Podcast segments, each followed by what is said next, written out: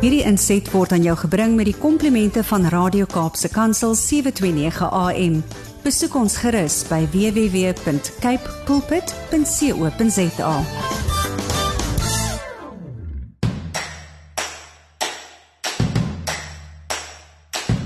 Jy is ingeskakel by Radio Kaapse Kansel en dit beteken jy luister na Landbou Landskap want dit is so pas na 7 op 'n Saterdagoggend en hierdie Saterdagoggend die 10de Desember natuurlik hartlike goeiemôre van my Willem van Jaarsveld. Ek is jou gasheer tot en met 8uur vanoggend soos elke ander Saterdagoggend op die senders van hierdie stasie. Ons saai uit op 729 AM en 729 MW, maar jy kan ook wêreldwyd na ons luister op die internet. Nou ja, vandag se program lyk as volg. Om 10 oor 7 kom saad vir die saaier aan die beurt en ons lees Numeri 13 verse 32 en 33 en die tema land met reuse. Kamp 'n kapstok. Nie kampstok nie. Kapstok is om 7:20 aan die beurt. Ons kyk na nuusbrokkies uit die landbou landskap.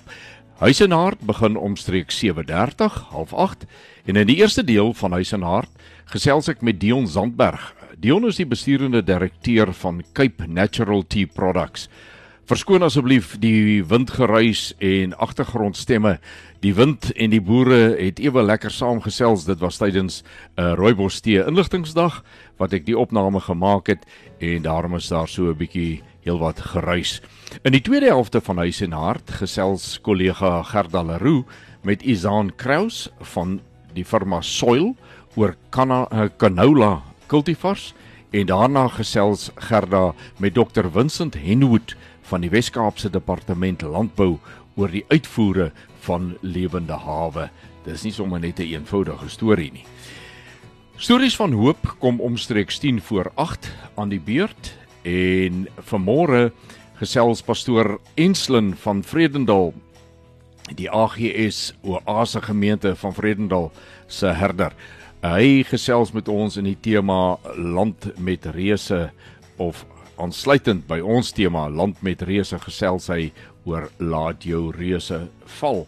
Nou ja, dit is sommer heel interessant as ons so die einde en die begin van ons uh, program so bietjie 'n goue draad kan laat deurloop en dit was vir my baie lekker om die pastoor by die boeredag te hoor gesels hoe hy die boere bemoedig het en ek het gedink om vir u klein deeltjies daaruit voor te hou vandag. Landbou landskap word aan jou gebring met die komplimente van Cape Pots varsprodukte mark. Ek nooi jou om met ons te gesels deur middel van ons WhatsApp en Telegram nommer 081 7291657 of jy stuur 'n SMS na 37988 of jy kan per e-pos met my gesels wilm@capepulpit.co.za begin jou boodskap met die woord landbou. Ons gesels net hierna verder bly ingeskakel. In hierdie program maak ons natuurlik so wyd as moontlike draai deur die landboulandskap. Nou vanmôre het ons definitief weer 'n redelike wye draai gemaak met 'n paar insette, uiteenlopende insette. As daar nou een ding is wat ons nou vandag so twee keer aanraak, dan is dit uh die saak van reuse in ons lewe. Ons begin daarmee in saad vir die saaier en ons sluit daarmee af ook in die stuk wat ons as stories van hoop vanmôre vir jou bied. Nou ek het verkeerdelik in die meervoud verwys na stukkies van pastoor Enslin se eh, rede wat hy gevoer het uh, eintlik was dit die opening wat hy waargeneem het by 'n boeredag, maar ek het weliswaar net een stukkie, die gedeelte wat hy gepraat het oor laat jou reuse val, ehm het ek ingesluit in vandag se program want dit sluit so pragtig aan by ons saad vir die saaier. Bly gerus ingeskakel. Dit het tyd geword vir saad vir die saaier en ons tema vir oggend 'n land met reuse. En ons lees Numeri 13 vers 32 en 33 daar staan: So het hulle dan slegte gerugte onder die kinders van Israel versprei oor die land wat hulle verken het, deur te sê: Die land wat ons deurgetrek het om dit te verken, is 'n land wat sy inwoners verteer. En al die mense wat ons daarin gesien het, is groot manne. Ons het daar ook die reuse gesien, die kinders van Enak van die reuse afkomstig en ons was so sprinkane in ons oë, so was ons ook in hulle oë. Nou hierdie stuk ken ons die hele ding van die verspieders wat moes uitgaan en op die einde was daar net een verspieder wat gesê het gee vir my die hoogtes waar die reuse woon. En aan die daai stukkie veral dit wat ek nie hier gelees het nie wil ek vir oggend dit aanhak. In ons lewe is daar baie reuse. Verskillende reuse. Maar die grootste, die gevaarlikste reus in ons lewe is waarskynlik ons probleem dat ons oë, ons gedagtes, ons verbeelding reuse optower van eintlik alledaagse dinge, dinge wat nie veronderstel was om vir my en vir jou as 'n reus voor ons te staan nie. Maar ons laat toe dat dit wat ons hoor by ander, dit wat ons sien, dit wat ons lees in die media oor omstandighede en dis meer vir ons 'n land met reuse skep. 'n Land wat sy inwoners verteer. Lees maar 'n bietjie die nuus en jy sien alles dui daarop dat hierdie land wat aan ons gegee is deur die Here om te bewoon en te bewerk en te bevorder is besig om ons te verteer. En dan pak vrees ons. En dan begin die een gedagte lei na die volgende gedagte. En dis waar ons probleem lê. Dis nie die reuse nie. Dis die fokus wat ons op hulle sit en wat ons van hulle glo dat ons in hulle oë niks is nie, so sprinkane. Kom ons bid. Vader ons erken vanmôre dat ons sondig teenoor U. U wat die almagtige is en ons kom vanmôre na U toe in die naam van Jesus, U seun die verlosser, die saligmaker, die skepper God. En desnieteenstaande beklei ons met reuse in ons koppe, in ons gedagtes, in ons geloof en ons kom vanmôre en ons vra sal U ons asseblief versterk deur die krag van Jesus Christus sodat ons in die dae wat ons leef die reuse sal sien vir wat hulle is nietig in U oë en U het reeds die oorwinning gegee ons vra dit in Jesus naam amen Dit hier nou is dit natuurlik tyd vir kapstok maar in aanloop daartoe wil ek net vir u sê ons kyk vanmôre so 'n bietjie uh ernstig na die energie koste in ons land. Ek wil net vir die wat dan nou nog nie weet nie, dit vir probeer so stel dat landbou het verskeie energiebronne wat benut moet word. Ons gebruik wind. Al dink ons nie altyd aan windpompe wat baie wyd in hierdie land nog gebruik word. Ons het wind nodig, windenergie om net ons windpompe te laat pomp waar ons water nodig het. Elektrisiteit, brandstof, petrol en diesel en parafin en gas. Ons het soveel bronne van energie wat onderdruk is op die oomblik en dit is jammer dat dit so 'n groot krisis geword het. Val energie Eskom se energie. Boere gaan gebukkend onder hierdie probleme wat ons het van beerdkrag. In Kapstok gaan ons vanmôre so 'n bietjie kyk na 'n paar dinge wat weer nuuswaardig is op die landboufront en heel eerste Wil ek begin met 'n saak wat nou definitief nie vreeslik nuwe nuus is nie, maar wat nog steeds vir die landbou definitief 'n daaglikse groot groot geveg en bitter baie moeilikheid uh veroorsaak en dit is Eskom. Onder die opskrif kragtariewe kommer oor uitgestelde besluit skryf Karla van der Merwe Agri Weskaap het sy kommer uitgespreek omdat Nersa sy besluit oor Eskom se aansoek om 'n tariefverhoging van 32% vir die 2023-2024 boekjaar uitgestel het. Met beerdkrag wat deesdae deel van almal se daaglikse skedule is en die hoë insetkoste in die landboubedryf, meen Agri Weskaap dat Eskom se aansoek om 'n tariefverhoging van 32% vir die volgende boekjaar verre gaande is. In 'n verklaring spreek die organisasie se kommer uit oor die uitwerking wat so 'n tariefverhoging op die landbousektor kan hê. Landbouprodusente moes oor die afgelope jaar menige stygings van meer as inflasie in insetkoste absorbeer, sê meneer Jannie Strydom, uitvoerende hoof van Agri Weskaap. Enige stygings van meer as inflasie in kragtariewe sal aansienlike bydrae lewer tot die huidige kosteknyptang situasie en produsente se vermoë om volhoubaar te produseer verder belemmer. Strydom sê 'n styging van die aard sal veroorsaak dat dit vir die landbousektor onvolhoubaar word om werksgeleenthede te skep. Dit sal voedsel ook onbekostigbaar maak.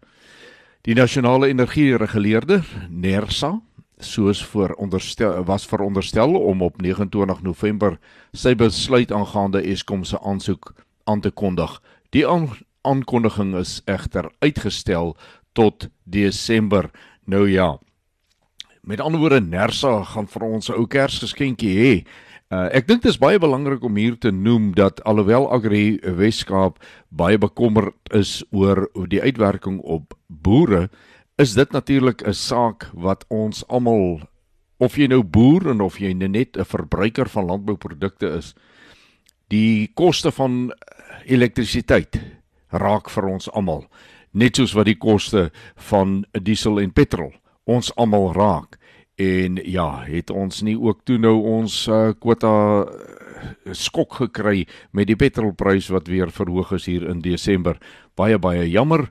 Daar's daarom 'n bietjie verligting vir ons boere. Daaroor is ek bly met die uh, daling in die dieselprys, maar steeds, dit bly 'n baie baie onaangename situasie wat ons met energiekoste in hierdie land het. Nou ja, so 'n bietjie weg van die energieprobleme kyk ons wat uh, word voorspel vir wynboere in die 2023 jaar. Ek uh, kry op landbou.com uh, waar Karla van der Merwe ook skryf kleiner wynoeste voorspel vir 2023.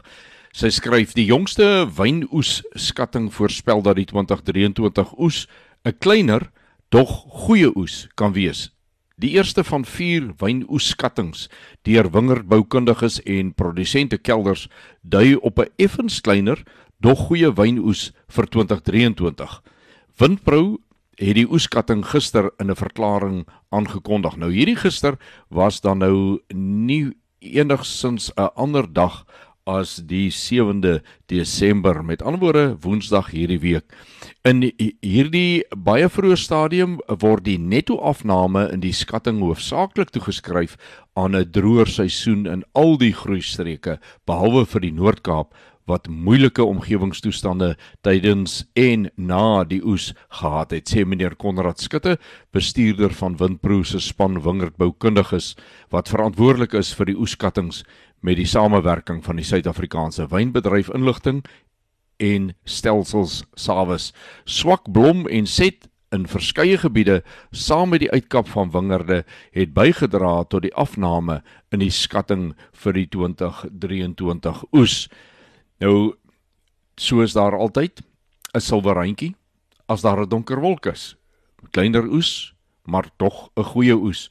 Ons hoop natuurlik dat die verkope van druiwe en die sap van die druif, die wyn, dat dit ook 'n uh, hupstoot sal kry. Ons weet in die afgelope 2 jaar, eintlik die COVID jare, het dit maar swaar gegaan en is daar verskriklik baie uh oorskotte wat weggewerk moes word wat natuurlik altyd 'n 'n druk sit op die pryse wat behaal kan word.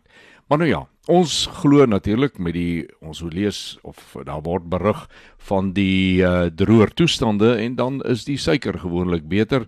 So kom ons koop druiwe, ons help eet aan dit wat geproduseer is. Daar is nie 'n ander manier nie. Ons as verbruikers het ook 'n deel om te doen. Dan help ons die boere gemeenskap 'n uh, lekker soet druif en natuurlik saam met al die ander soetighede wat hier in hierdie maand vir ons voorlê. Nou ja, ons sal daaroor bekommer in die nuwe jaar as die vetjies weggewerk moet word. Maar in elk geval, tot dan, uh is dit dan nou eers al waarvoor ons tyd gaan hê vir vandag in Kapstok. Ons uh is dan aan die einde van Kapstok vir vandag. U sal onthou dat ons 'n uh, tydjie gelede uh op Erfenisdag uh, of net na Erfenisdag het ons in hierdie program so 'n bietjie verwys daarna dat die Wes-Kaapse regering, die Wes-Kaapse departement van landbou nogal rooibos tee as een van die erfstukke, die erfenisstukke in landbou beskou in die Wes-Kaap. Weliswaar dis die enigste plek in die land waar rooibos tee verbou word.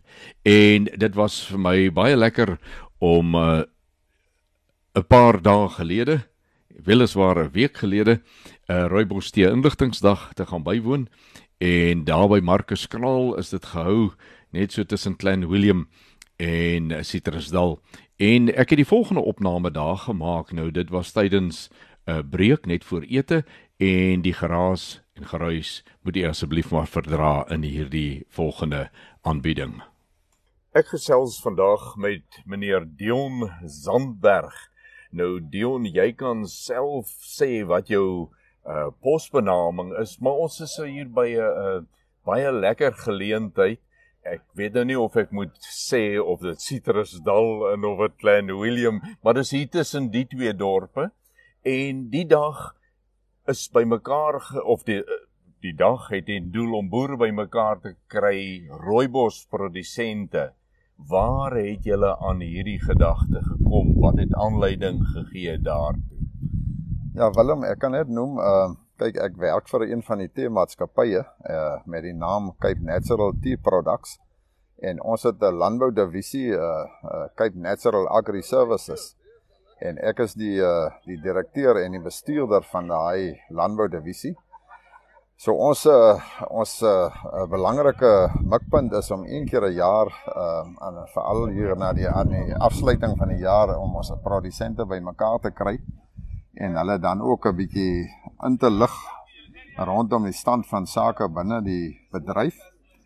Uh maar dan maak ons ook gewoonlik gebruik van 'n gasspreker, uh soos wat ons vandag vir Dr. Theo de Jager van SAI hier gehad het. En dit is maar net om iets uh terug te gee aan ons produsente en en uh, ook met die interaksie wat ons deur die jare aan ons produsente uh wat ons met hulle het. So dan sluit ons gewoonlik uh, die jaar af met 'n uh, same byeenkoms en uh wat gewoonlik gepaard gaan met 'n uh, 'n uh, bietjie van 'n toespraak en interaksie en dan ook 'n uh, uh, gewoneke ete. En en uh dit is vir ons baie belangrik om die produsente betrokke te hou want hulle is eintlik uh, is hulle vennote van yeah. ons as 'n verwerker in in die teebedryf en uh so die vennootskap is vir ons as maatskappy uh, die vennootskap en uh volhoubaarheid en, en verhouding is vir ons baie belangrik as maatskappy want om uh die lopende stabiliteit in die in die in binne die maatskappy en ons by ons produsente maar ook in die bedryf te verseker. En ja, wat vir my opgeval het vandag is uh die die uh ek kan wel amper sê die wêreldkennis wat wat Dr. Theo vandag met ons gedeel het is uh wat ek aan huis toe vat is net dat ons uh uh positief moet wees oor die toekoms. Daar is nog steeds groot geleenthede in landbou en uh ek dink daar's groot geleenthede binne ons teebedryf. Uh as jy dink dis 'n produk wat uh hoofsaaklik of slegs eintlik net in die Wes-Kaap geproduseer word en jy sit met 'n enorme wêreldmark Maar dit is ook belangrik dat ons as bedryf ons moet uh ek wil amper sê herorganiseer om uh uh die toekoms wat voor ons lê op 'n beter basis te kan uh aanpak en en ook die uit, uitdagings en vraag na mark beter te kan benut. En daarom is dit uh so belangrik dat ons hierdie bedryf moet stabiliseer en nie destabiliseer soos wat dit tot nou toe maar binne die bedryf gegaan het nie. Dit was altyd 'n situasie van uh vraag en aanbod speel maar altyd die rol, maar daar is ook altyd uh, kragte binne die bedryf gewees wat wat die bedryf in rigtings manipuleer uh en en wat gev uh, tot gevolg het dat daar oor produksies kom en wat dan uh uh daarna volg is lae produsentepryse wat eintlik die produsent destabiliseer. So die die wêreldmark en die Suid-Afrikaanse mark hou ook nie van die onstabiliteit van van pryse wat die hele tyd op en af hardloop nie. Hulle soek ook stabiliteit in die mark en hulle soek stabiliteit vir hulle verbruiker. So ja, wat ek net kan huis toe vat vandag is net dat ons positief moet wees. Ons is positief oor die toekoms, ek verseker en uh wat ook belangrik vir my is is en ek is so uh opgewonde om te sien hoeveel jong produsente hier vandag was. Absoluut. Dat ons as ouer produsente en ek wat ook aan die tegniese kant van die Senas groep is uh dat ons hierdie kennis oordra aan die ons jong produsente en dat ons die uh, ek wil amper sê die aflos aflos stokkie vir hulle kan aangee om om hierdie bedryf in die toekoms vorentoe te kan vat. Dion, ek het nou geluister en en ek sit daar in in wonder Hoe hoor 'n rooibos boer hierdie inligting van 'n wêreldreisiger, 'n landbou wêreldlandbou, 'n leier? Het jy in dit wat Dr. Theo met ons gedeel het, het jy iets daar gekry wat vir die spesifieke rooibos produsent 'n rigtingverandering kan bring? Uh wat het jy raak gehoor wat universeel is of jy nou met rooibos boer en of jy met 'n skaap of 'n mielieplant of wat ook al boer. Wat wat was vir jou daai uh goue draad wat ek amper sê wat deur boerdery loop uit uit dit wat ons gehoor het. Willem, ek kan net noem ja om om by uh te begin uh die eerste ding wat Dr. Theo uh gesê het is dat ons moet onsself beter organiseer op landbouvlak as produsente. Uh die volgende belangrike ding is dat ons ons gronde wat oor jare chemies so uh, negatief beïnvloed is en mikrobe se goed wat doodgemaak is in die gronde en met ons verkeerde boerderypraktyke dat ons weer ons gronde moet uh uh, uh begin opbou en met ander woorde laat ons by die uh plant se voete begin om ons plante reg te kry en dit sal uh, onmiddellik stabiliteit in produksie bring. Uh, dit is 'n een belangrike ding en dan die ander belangrike uh deel is ja dat die boere die interaksie tussen produsente maar ook die interaksie tussen uh, verwerkers en produsente dat daai uh, dit uh, baie meer op 'n nouer vlak in die toekoms gaan gaan moet geskied. En juis om hierdie inligting uh, te deel met mekaar en op die einde van die dag 'n beter kwaliteit produk op die mark te kan uh, bring aan uh, beskikbaar stel die die ander ding is die die verwerkers aan die ander kant uh hulle het 'n groot rol om te speel uh met die interaksie van uh en daai vennootskap met produsente om stabiliteit te bring en vir die produsent om uh sy produksie wat hy handhaaf dat hy ook seker is dat hy 'n mark en afset het vir sy produk want dit alleen kan volhoubaarheid bring teen 'n uh, volhoubare prys. Dit is natuurlik ook belangrik vir sy produk en uh soos Dr. Theo gesê het, die produsent gaan moet uh 'n uh, skakel uh, nader in die ketting raak aan die aan die verwerkers en markkant want dit is die enigste manier hoe jy gaan kan volhoubaar oorleef in die toekoms. En dan natuurlik die ander ehm um, 'n belangrike ding wat ek aan huis toe vat, daar is 'n geleentheid en daar is 'n mark vir vir vir ons bedryf en ek dink vir die algemeen as ek Dr. Theo reg verstaan het vir die Suid-Afrikaanse landboubedryf is daar enorme geleenthede, markgeleenthede in die, in die buiteland.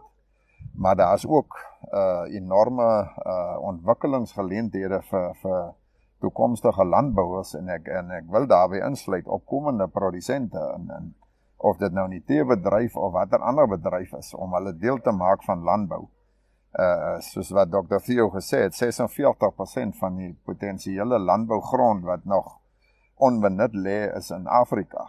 So daar is 'n is 'n groot uh, geleentheid en 'n groot toekoms vir ons as produsente om om om daai geleentheid aan te gryp en te ontwikkel. Dit was uh, Dion Zandberg en ons het gesels 'n bietjie oor rooibos tee. Ek gesels met Izaan Kraus. Sy's agronoom van Soil. Baie welkom by ons program Izaan. Goeiedag Gerda en goeiedag luisteraars. Ek kom met jou praat oor ontwikkeling in canola cultivars en hoe dit opbrengs affekteer. Waar kom canola vandaan en hoe dit ontstaan? Ja Gerda, interessante feit van canola wat baie min mense weet is dat dit eintlik familie is van die Brassicas en as ek verwys na Brassicas verwys ek na die koolfamilie waarin gewasse soos blomkool, broccoli en sovoorts kategoriseer. Daarom het die blare, blomme ensovoorts van die plant presies dieselfde kenmerkende smaak van kool of broccoli en daar is selfs mense wat die blare en blomme gebruik vir kosmaakdoeleindes. Canola was vir die eerste keer geteel van die raapsaad cultivars Brassica napus en Brassica rapa in Kanada. En die naam is eintlik 'n afkorting vir en ek verwys na die eerste letter greep CAN wat staan vir Canadian en dan die tweede letter greep OLA wat staan vir oil laurin acid. Vertel ons bietjie meer van die verskillende canola cultivar groepe. Huidiglik is slegs 3 canola cultivar groepe in Suid-Afrika beskikbaar, naamlik die triazine tolerante groep, die kleurveld groep en die konvensionele groep. Die triazine-tolerante groep, nou hierdie kultivar groep is weerstandbiedend teen die triazine onkruiddoder chemiegroep. Dit beteken basies dat indien jy triazine onkruiddoders op die gewas spuit, sal die gewas nie vrek van die onkruiddoder na toediening nie. Triazine-tolerante kultivars word gewoonlik deur produsente geplant wat lande het met 'n geskiedenis van sulfonylureum weerstandbiedende onkruide. Ongelukkig lewer hierdie groep baie lae opbrengste, tussen 20 tot 30% laer as die ander twee kultivargroepe wat ek nog gaan bespreek. Die volgende kultivargroep is die Clearfield kultivargroep wat weerstandbiedend is teen die imidazolinoon. Ek weet dit is 'n mondvol onkruiddoder chemiegroep. Nou hierdie kultivargroep word gewoonlik deur produsente geplant wat probleme het met breëblaar onkruide soos kiesieblaar ensovoorts. En dan laaste, maar nie die minste nie, het ons ook die konvensionele kultivargroep wat 'n kultivargroep is wat slegs deur produsente geplant word wat geen geskiedenis het van enige onkruide nie. Verder meer word elke kultivargroep verdeel in kultivars wat verskillende groeilengtes het. Nou net om kortliks vir julle te verduidelik waar die groeilengtes inkom.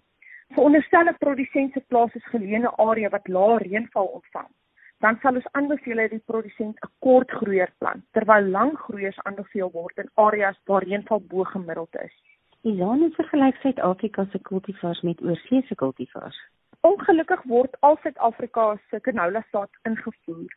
Meeste van ons saad word ingevoer vanaf Australië en Kanada. So dit beteken dat indien nuwe kultivars vrygestel word in Australië of Kanada, of ander lande word dit eers jare later beskikbaar gestel in Suid-Afrika. Gelukkig het ons baie toegewyde mense in die industrie wat alsnog vermoë doen om nuwe kultivars so spoedig moontlik beskikbaar te stel in Suid-Afrika. Kultivargroepe of kultivars wat in ander lande beskikbaar is, is byvoorbeeld Roundup Ready canola wat 'n geneties gemodifiseerde canola groep is met 'n weerstand teen glifosaat. Ons het gelukkig nog nie die behoefte in Suid-Afrika vir geneties gemodifiseerde canola kultivars nie, omdat die onkruidbeheer spektrum wat die triazine tolerante en Clearfield kultivars dek, voldoende is. So ek kan met volle versekering aan al ons olieverbruikers noem dat canola 100% GMO-vry is. Verder word daar ook in ander lande kultivars gekweek met toleransies teen siektes soos swartstam, fusarium, sclerotinia wat 'n groot probleem is in Suid-Afrika en knopwortel. Ons hoop dat hierdie kultivars vinnig in die nabye toekoms beskikbaar sal wees in Suid-Afrika. Hoe vergelyk vandag se kultivars met die van die verlede? Wel, moderne saadtegnologie is werklik 'n wonderlike ding. Baie werk word in Kanada en Australië gedoen om seker te maak dat kultivars jaar na jaar vrygestel word, beter ontkiem, meer aanpasbaar is by sekere omstandighede, meer pitvas is of 'n hoër toleransie het vir sekere siektes ensovoorts. Byvoorbeeld, iets wat van groot waarde is vir Suid-Afrika met die huidige droogte in die Weskaap, is die tydige beskikbaarheid van kortgroeiende kultivars. Kortgroeiende kultivars het die afgelope paar jare in die droogte bewys om staatmakers te wees en ondanks droë omstandighede steeds bo gemiddelde opbrengste te lewer. Ivan, wat is die toekoms van canola in Suid-Afrika? Ons is baie optimisties oor die toekoms van canola en die rol van die gewas in die huidige rotasiestelsels in Suid-Afrika baie opbrengste nektare onder canola het vanaf 1992 tot op hede met meer as 90% gegroei. Dit is geweldig baie. 10 jaar terug het produsente gesukkel om skaars bo 1 ton opbrengste af te haal en vandag word 3 ton plus opbrengste afgehaal. So ja, ek dink canola se toekoms is baie blink in Suid-Afrika. I'm speaking to Dr. Vincent Henwood. He's the Deputy Director of the Western Cape Department of Agriculture. Dr. Vincent, a warm welcome to you on our program. Hi, good day, Shada. Good day to the listeners. Dr. Vincent, what is your involvement in export from the Western Cape? Because I'm a veterinarian, we are involved mainly in the export of animal products and pets from South Africa to the rest of the world. We authorize in terms of the Animal Diseases Act, the Meat Safety Act, and the Veterinary and Paraveterinary Act we're familiar with our province. We know the disease status of our animals. We know our factories and the farms where the, the products come from. So that's why we're responsible for exports. We're not at all involved in the import of products. That's handled by the National Department of Agriculture, known as Department of Agriculture, Land Reform and Rural Development. They deal with the imports into South Africa, and we are purely involved in export of animal-based products and animals from South Africa to the rest of the world. We're mainly involved when the importing country wants us to be involved. So some countries will take South African products without our involvement. There are not many of those, but they do exist.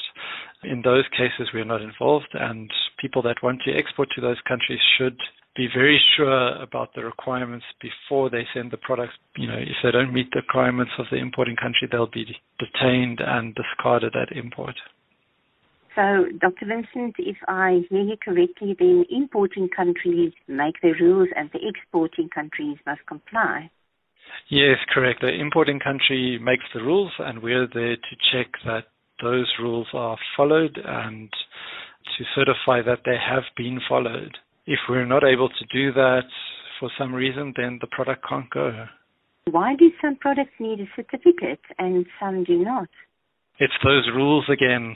If the country doesn't have a rule for the product and they're quite happy to receive the product as is without any checking from our side, then they don't need a certificate. But usually the countries want some sort of assurance that the product won't transmit animal disease to them, and in which case they'll have some rules for those products. And one of the main ones is a certificate from us to comply with their requirements. Dr. Vincent, now how do you know when a product needs to have an export certificate? Well, that's actually one of our biggest challenges. We can't possibly keep track of a couple of hundred countries' requirements for thousands of different products. So each company that wants to export to a specific market needs to go or contact the vets in the country receiving the product to make sure of what those requirements are because from our side we can't guarantee what the requirements for a specific country and product is because we don't know. There's simply too many country product combinations for us to keep track of all of them. So it's up to the business that produces the product or the person that wants to sell the product to a particular country to get the correct requirements from that country. Usually it's the Ministry of Agriculture where they would get that information, but occasionally it can be the Ministry of Health. It just depends on the legal structure in the country. Does all farms need to have approval in order to obtain an export certificate for a consignment or not? In the Western Cape, we have what we call the export manual. It's on our website, which is elsenburg.com. So elsenburg.com for the Afrikaans people with a U in the Berg. If you read our manual, our principle is that if we don't know the establishment or the location where the product comes from, we can't possibly sign a certificate for that establishment. So our approach is that every farm or factory or location or producer that produces a product where we need to issue a certificate has to be registered. There are a few small exceptions to that. For example, a pet that's going with an owner on holiday to Namibia, we wouldn't need to register the home of that. But any commercial kind of thing, we definitely involved or any product, the factory of origin, the storage locations that the product goes to, the place of loading, every step in the food chain needs to be registered with us for that product to be exported. The extent of the chain is dependent on the importing country's requirements. So an example is for ostrich meat from South Africa to Europe. Each farm, each feed supplier to that farm, the abattoirs, the cutting plants, the processing plants, the cold stores, any other distribution points in the chain are all registered with us and controlled and managed by us. We have some supervision over them. In elkeen van ons se lewens is daar tye wat 'n mens nodig het om soms net 'n klein veranderingkie te maak om 'n baie groot verskil in hoe jy die lewe beleef te beleef. Maar ons het nie altyd die vermoë nie in onsself het ons nie die vermoë nie. En soms gebruik die Here ook mense om vir ons tot hulp te wees, om vir ons 'n woord of twee te spreek en dan vir ons raad te gee daardeur as ons fyn genoeg luister van hoe behoort ons 'n verandering aan te bring in ons eie lewens. Nou so 'n stukkie goeie raad het ek eh, nou onlangs by 'n boeredag teëgekom in die boodskap wat pastoor Steven Enslin van Vredendal, die AGS Oase gemeente op Vredendal by die geleentheid gelewer het. En ek het hierdie uittreksel bygewerk vir vandag se program. en dit gaan oor waar is jou fokus?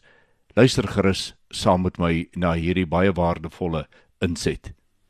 Uh 40 dae is Goliat besig om 'n verklaring te maak uh die volk van die Here uit te tart. En dan verskyn Dawid op die toneel. En ek lees hoe dat Dawid so met die manskappe van Israel kuier. En dan is daar een emosie wat ek waarneem in in die eerste klompie verse van 1 Samuel 17. Naamlik vrees. Al wat ek sien is vrees. Vrees vir die vyand. Maar dan kom daar 'n wending. Dawid is op die toneel en hy vra die regte vraag. En op 'n stadium draai hy sy rug op die uitdaging. Draai hy sy rug op dit waarvoor die volk bang is. Uh naamlik die reus Goliat en dan maak Dawid 'n uitspraak. Daar in 1 Samuel 17 lees ons dat hy sê ons moenie oor hierdie man moedeloos word nie. Dis Daniel, uh, Dawid se se se se waarneming van hierdie hele situasie. Ons moenie oor hierdie man moedeloos word nie. En dan 'n paar verse verder lees ons dat nadat hy hierdie verklaring gemaak het, hy ook daad by die woord voeg en dan gaan veg hy teen die Filistyn. En ons weet dat die Bybel sê daar in vers 40, hy neem toe sy herderstok soek 5 klippies uit en sit dit in sy slingersak en met die slingervel in die hand loop hy die Filistyn tegemoet. Ek wil graag vanoggend hierdie gedeelte uit 1 Samuel 17 gebruik. Ons almal word gekonfronteer met een of ander realiteit. Miskien is daar 'n toekomsverwagting wat vanoggend nie so positief lyk nie. Miskien in die ware sin van die woord vermore vrees. Almal het 'n Goliat. Kom ek verduidelik en dan sê ek, wat is die Goliat? Ek wil sê die Goliat in jou en my lewe is is die laaste gedagte waarmee jy gaan slaap saans en die eerste gedagte waarmee jy opstaan in die oggend.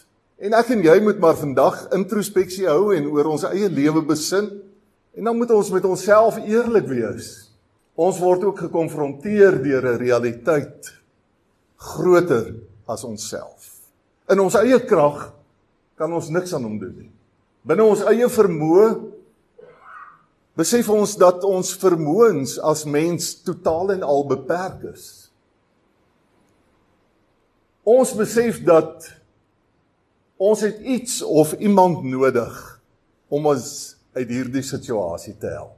En dan leer ek by Dawid 'n beginsel wat ek vandag sommer so net met jou wil deel.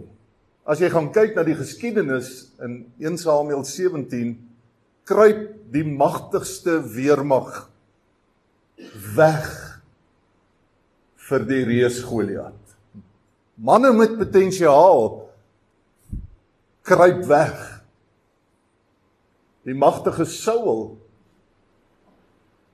is nêrens te sien nie.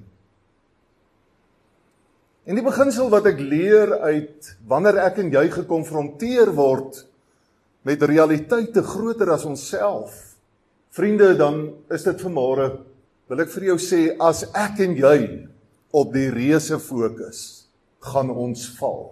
Maar kan ek daarmee saam vanmôre sê as ek en jy op God fokus, gaan ons reuse val. En so het ons aan die einde gekom van nog 'n lekker saamkuier op 'n vroegoggend, Saterdagoggend op Landbou Landskap. Baie dankie dat jy hier was om saam met my te kuier. Ek glo daar het so 'n bietjie pitkos uitgekom in vanoggend se program as dit gaan oor hoe hanteer ons die reëse in ons lewe en ons het baie goeie raad gekry en dit is wonderlik om te dink ons kan mekaar bemoedig. Daar is soveel waarmee ons mekaar kan bemoedig. Die vraag is, doen ons dit gereeld? Doen ons dit getrou? Want dit word eintlik van ons verwag om dit so te doen. Dis altyd vir my 'n voorreg om jou gasheer te wees en ek hoop ons sien mekaar volgende Saterdag weer hier op dieselfde plek, dieselfde frekwensie op jou FMP of dieselfde plek op die internet. Baie dankie aan Cape Pots vir vars produkte mark wat landbou landskap vir ons moontlik maak. Onthou om met ons te gesels, soos wat ek aangedui het reeds vroeër in die program, daar's verskeie maniere en plekke wat jy kan gebruik om met ons te gesels.